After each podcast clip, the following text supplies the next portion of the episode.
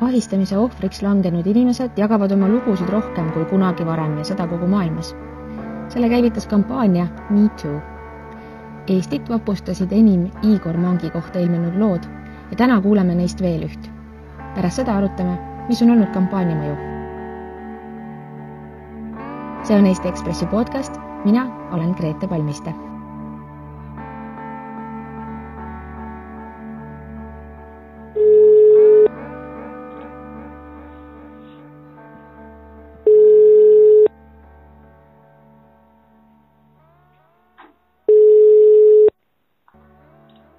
ja hallo. tervist, Grete Ekspressist siinpool. ja tere, tere. helistan naisele, kes oli üks neist, kes kevadel Pealtnägija loo järeltoimetusele kirjutas. ta räägib oma loo laiemale auditooriumile esimest korda. ma alustaks äh, sellest ebameeldivast või ebamugavamast küsimusest, et ähm, ole hea, räägi oma sellest kogemusest mm. -hmm. et ma kujutan jah ette, et kui see MeToo juba mängu tuli, et ega ma vist ei oleks seda jaganud, kui see kampaania poleks nii aktiivne olnud tõenäoliselt. sest see on minu jaoks ikkagi juba nüüd, ma ei tea, nüüd kolmkümmend aastat vana lugu vähemalt, kui mitte rohkem, eks ju. kui see on kolmkümmend aastat vana juhtum, siis kui vana sa olid, kui see juhtus? ja ma ei ole nagu sada protsenti kindel, aga ma kindlasti käisin koolis, kindlasti põhikoolis. ma võisin olla vanuses kaheksa kuni kaksteist. see on lapse, lapse vanus no laps jah, ikkagi alaealine, tugevalt alaealine mm. -hmm. minu pere oli huvitatud erinevatest sellistest vaimsetest praktikatest, et nõukogude ajal nagu see ei olnud laialt levinud, aga ikka käisid horoskoobid käes kätte ja erinevaid liikumisi oli, et noh, minu pere oli lihtsalt huvitatud sellest ja nii see jõudis ka minuni. kas ta käis ja, ja... kodus või te käisite tema juures? ei, see on nagu, ta, ta oli ainult üks osa sellest tegelikult mm, -hmm. et, et noh, ta oli juba toona nagu tuntud astroloog ja aga neid ei olnud nii palju nagu tänapäeval. ma usun küll, et ta on meil kodus ka käinud. konkreetne lugu siis äh, hästi palju lünkasid on, sellepärast et ma ei mäleta kõike, aga ma tean, et me sõitsime autoga mingile üritusele, kus siis tõenäoliselt midagi astroloogiaga seotud oli, kaheksakümnendad millalgi. eespingis istus mu ema ja keegi oli juht, keda ma ei mäleta ja mina istusin siis tagapingis koos Igoriga ja et, et see, mis toimus, see oli siis see, et äh, Igor hakkas mu jalgasid katsuma ja siis ma ei teadnud, mida teha sel hetkel äh,. ja siis tal oli mingi tekk seal autos või meil oli, ma ei tea, ja siis ta pani selle teki nagu mulle jalgade peale ja siis nagu kogu see reis, minu arust me sõitsime Põhja-Eestist Lõuna-Eestisse. et, et see oli siis selline, ma ei tea, kuidas seda nimetatakse siis ähm, seksuaalne erutus talle või ja minul oli mm. selline segane asi, et ma ei olnud täpselt kindel, mis toimub ja mis ma peaks tegema mm. -hmm.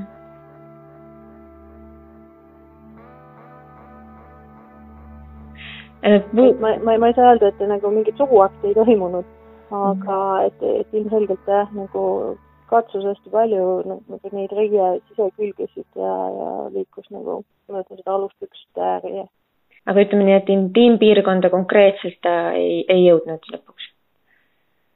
Ma tõesti ei oska selgelt seda öelda, kindlasti mm -hmm. mitte nagu alast intiimpiirkonda, et, et kui, siis see püks jäi sinna ikkagi vahele.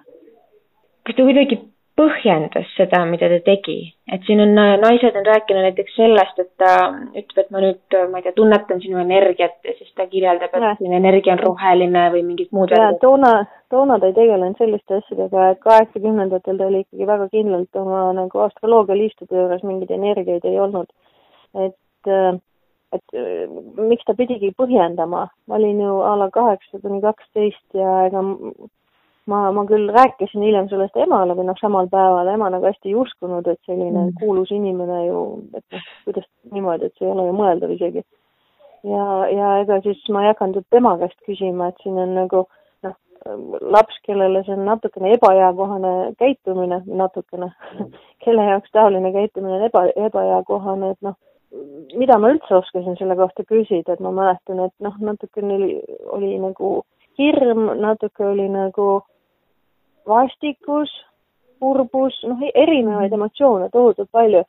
ja et mida, mida sa nagu teed või mida sa pead tegema sellel hetkel, et selline noh, ta on nagu harv, halvav hirm ja ma ei kujuta ette ka, et et noh, tänapäevalgi, kui, või millal üldse, et kui lapsi seksuaalselt ära kasutatakse, kuidas nad oskavad sellest rääkida?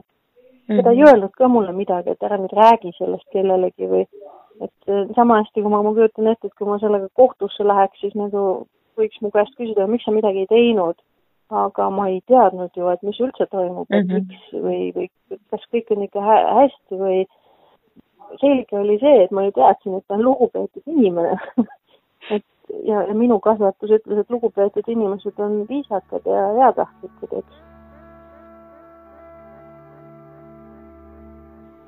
Et äh, ma, ma ei ole temaga kunagi sellest rääkinud, et ma nagu rääkisin emale, aga ema, et ei ole põhimõtteliselt võimalik, siis noh, mida ma siis edasi pidin mm. tegema. toona ei olnud ka ju, ei olnud mingeid laste kriisiabitelefone või mingisuguseid, ma ei tea, ülejäänud elu oli mul ju stabiilne, et see oli selline seik, noh mm. -hmm, mm -hmm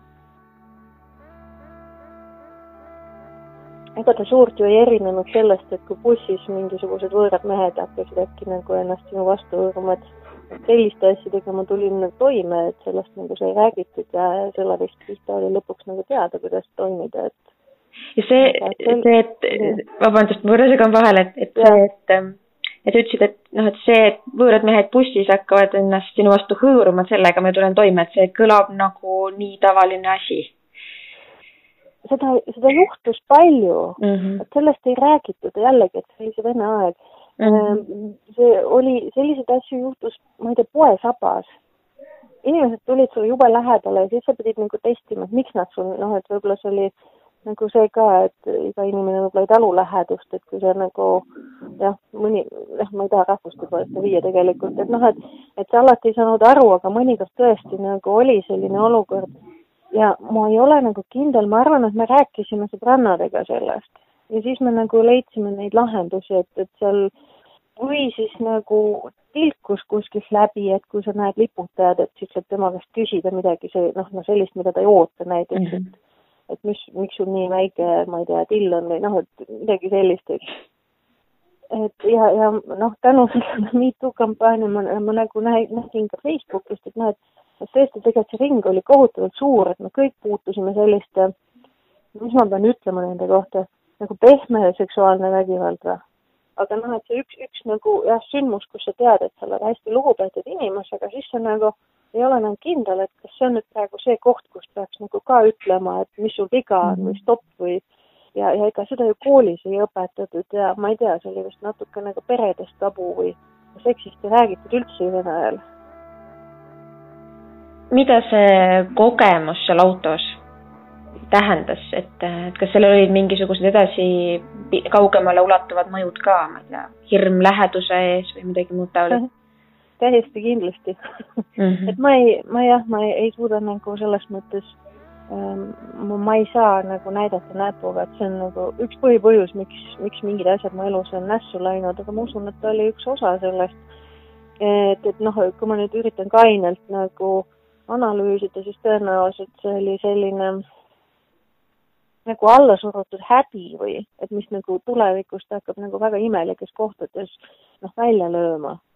või noh, et teadmatus või et see on nagu, et kas mul üldse on midagi õigust öelda, eks ju, seesama kogemus, et et ma ju proovisin, ma rääkisin emale, aga sellest tuli ju välja, et, et noh, see ei saa olla niimoodi, kas ma kujutasin seda ette või äkki see oli siis no normaalne või noh, et äkki nii peabki või Mm -hmm. et ma arvan, et sellist ebakindlust ta kindlasti tekitas, ma ei, minu puhul see lugu ei ole kindlasti midagi sellist, mis murdeliselt muutis kogu mu elu ja aga et ma usun küll, et, et ta on üks nendest asjadest, millega ma olen nagu võidelnud elu jooksul või teadvustada püüdnud, et noh mm -hmm., et, et ma ei saa ju kunagi enam teada et äh, ma ei tea, mis ma oleks teistmoodi, kuidas ma teistmoodi, millised asjad mu elus oleks olemata jäänud, kui seda sündmust ei oleks olnud aga täna ma ütlen, et muidugi see oli vale ja mul oleks õudselt hea meel, kui kui lapsed julgeksid sellest ikkagi edasi rääkida, mis siis, kui ema ütleb ei, et oleks kuskile võimalus minna ja sest et noh, et ma tunnen ka hästi palju neid, noh, kelle elu ongi rikutud selliste mm -hmm. inimeste pärast. ja see on nii õudne minu lugu ei ole kõige hullem, aga, aga ma seda ei tohi vähendada ka samal ajal, et ta on ikkagi mm -hmm. noh, ta oli vastutahteline, ta oli täiskasvanud inimene, kasutas ära nagu last, eks ju, oma naudinguks. ei ole okei okay et selles mõttes ma kujutan ette kogu see Me Too kampaania või kas või Pealtnägija loost ainuüksi rääkides, see võib olla mingil määral ka selline äh, lohutav tunne. lohutav või? et selles mõttes, et, et ei ole selles üksi, et on äh, veel naisi, kes on ohvriks sattunud äh, ja ta ei, ta ei tohi, ei paku. ta ei tohi kindlasti olla lohutav vaid minu arust selle põhiline nagu väärtus on hariduslik väärtus mm. -hmm. et, et see nagu ütleme, et veel vanemal ajal kui Vene aeg, eks et noh, näiteks mingid asjad olid tabud, sa ei tohtinud rääkida, et kui sa, ma ei tea, süütus ennem abiellumist kaotasid või noh, et et noh, mingisugune teema on tabu, et minu arust see põhiväärtus on just hariduslik, et neid asju ei tohi varjata kindlasti mitte lohutus, see ei ole õige, et see, ta ei pea lohutama, ta ei saagi lohutada need inimesed, nad ei saagi väga tihti kunagi enam terveks, et sellest on nii kahju mm. -hmm. kohutav töö, meil on mingid tuhanded eurod, mida nad peavad panema teraapiatesse, et, et iseendaga toime tulla, et et äh, ei, mitte lohutus, vaid just see, et äh, et võib-olla nagu inimesed, kui nad ka teavad, et see võib välja tulla hästi palju mängitakse hirmule et kui sa räägid, siis eh, noh, mis iganes juhtub, eks ju, ja lapsed usuvad seda. et kui see, kui see nagu eh, kaob võimatuks, kui see, need tehakse neile võimatuks, et nad ei saa, noh, et, et sellest räägitakse, et siis võib-olla see väheneb. võib-olla noh, nagu võib-olla, võib-olla muutub ühiskond tervemaks läbi selle noh, mõtlemise või mm -hmm. Et kui info liigub, siis on nagu seda halvem on neile, kes manipuleerivad, nad ei saa nagu nii hästi oma tegusid siis teha mm. -hmm ma ei, mul ei ole hea meel, et ma nägin, et mul nagu nii paljud sõbrad on ka nagu olnud ahistamise ohvrid, ei, see on nagu masendav, see on õudne, aga et see on nagu ainuke asi, mis tekib, on see, et, et palun rääkige mm. -hmm. rääkige lastega, rääkige, julgustage neid ja, ja ma ei tea, andke kohe neile abi, et noh, midagi peab saama teha kuidas ähm, suhtuda nendes teemades, ütleme, karistamisse? et kui me mõtleme selle Mangi juhtumi peale, siis üheksakümmend kuus eurot äh, väärteo eest äh,, mm. noh, teades, et, et siin on vähemalt viiskümmend naist, kes äh, on mingil määral nagu sarnase ahistamise ohvriks sattunud, me ei tea, milline lugu konkreetselt siis politseisse jõudis mm, -hmm. aga et, et see noh, politsei sai tegeleda ainult selle ühe kaasusega ja sealt mm, -hmm. sealt kuna varasemaid rikkumisi, rikkumisi ei olnud, siis määrati selline summa. et see on mm. nagu rohkem peaks olema hoiatuslik. aga äh, naisena, kes on, kes on, kes on ka nagu tema ohver mm, -hmm. mis tunnet see tekitab või kui palju sa oled mõelnud selle üle, et mis oleks mm -hmm. see õiglane karistus sellise mm -hmm. käitumise eest? See on nüüd hästi kahe otsaga asi, et äh, ma ei usu karistuspõhisesse ühiskonda, et meil on nagu kogu, kogu meie ühiskond on üles ehitatud karistuse peale, et kui midagi juhtub, siis otsitakse süüdlane ja karistatakse teda. ma ei usu, et niimoodi asjad muutuvad. et isegi vahet pole, et kui vang oleks saanud mingi vanglakaristuse või ta oleks saanud nagu tuhandeid eurosid trahvi, et ma ei usu, et see nagu temas midagi muudab, et mis on selle karistuse eesmärk, kas see on lihtsalt nagu kättemaks või et äh, ma ei, ma ei pea seda õigeks, aga ma ei usu, et sellega saab võidelda nagu ahistamise vastu. et äh, muidugi ma arvan, et üheksakümmend kaheksa ei ole mingi summa, et selle eest ei ravi neid inimesi, kes on traumasid saanud ja need traumad on reaalsed ju. et äh, ja, ja, ja tema ju ka ei muutu sellest, midagi ei muutu sellest, et see lihtsalt, et on kellelegi näpuga näidata ma ei, mul ei ole lahendust, aga ma arvan, et, et, et süüdlaste otsimine võiks nagu õudselt ruttu lõppeda, et, et ma ei tea, oma energia tuleks suunata millessegi teisesse, et kuidagi kasvatada kohe algusest peale inimesi kuidagi teisiti või leida mingid teistsugused väärtused või noh, see on nagu jube nagu, ma ei tea, maailma parandaja jutt praegu, aga aga, aga ma päriselt, ma ei usu karistamisse ja ma ei usu ka sellesse, et kättemaks kellegi elu paremaks teeb. aga ma usun sellesse, et kui see lugu on avalik, siis see on noh, et see on juba noh, mõnes mõttes see on üks hea samm edasi.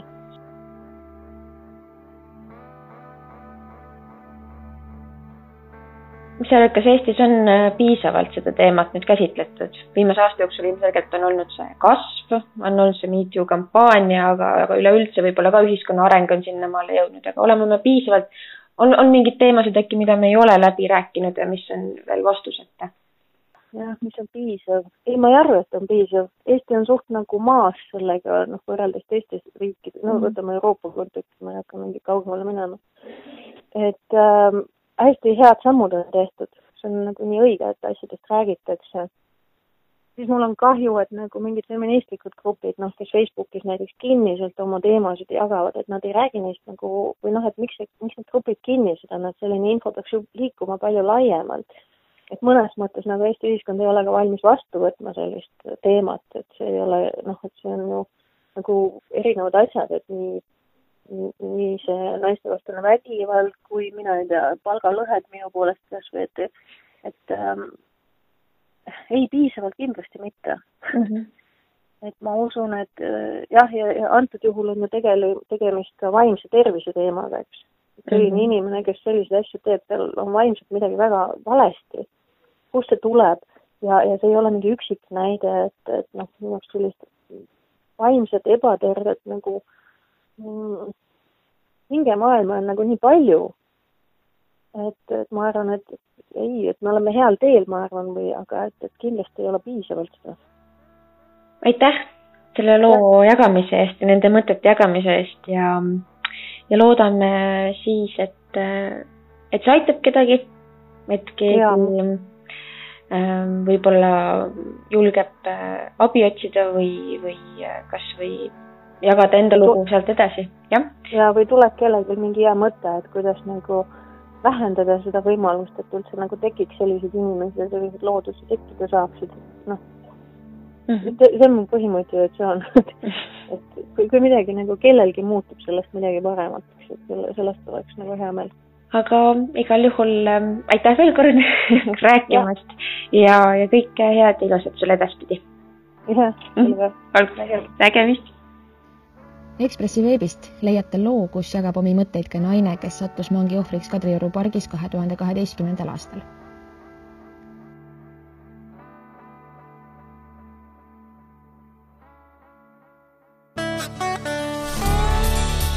värskes lehes veel. Kirsti Vainküla jutustab Tivoli ja tsirkuseäriga tuntuks saanud Lauri Viikna hapuks läinud lahutuse loo.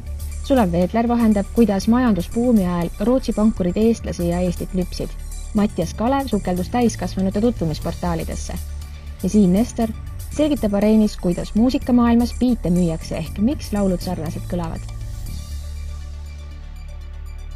Eesti Ekspressi ja teiste Ekspress Meedia podcastide pesa on aadressil tasku.delfi.ee. oleme kättesaadavad ka läbi kõigi tuntumate podcastide rakenduste. vajutage äpis subscribe ja saate kohe meeldetuletuse, kui uus osa on ilmunud. Kuulmiseni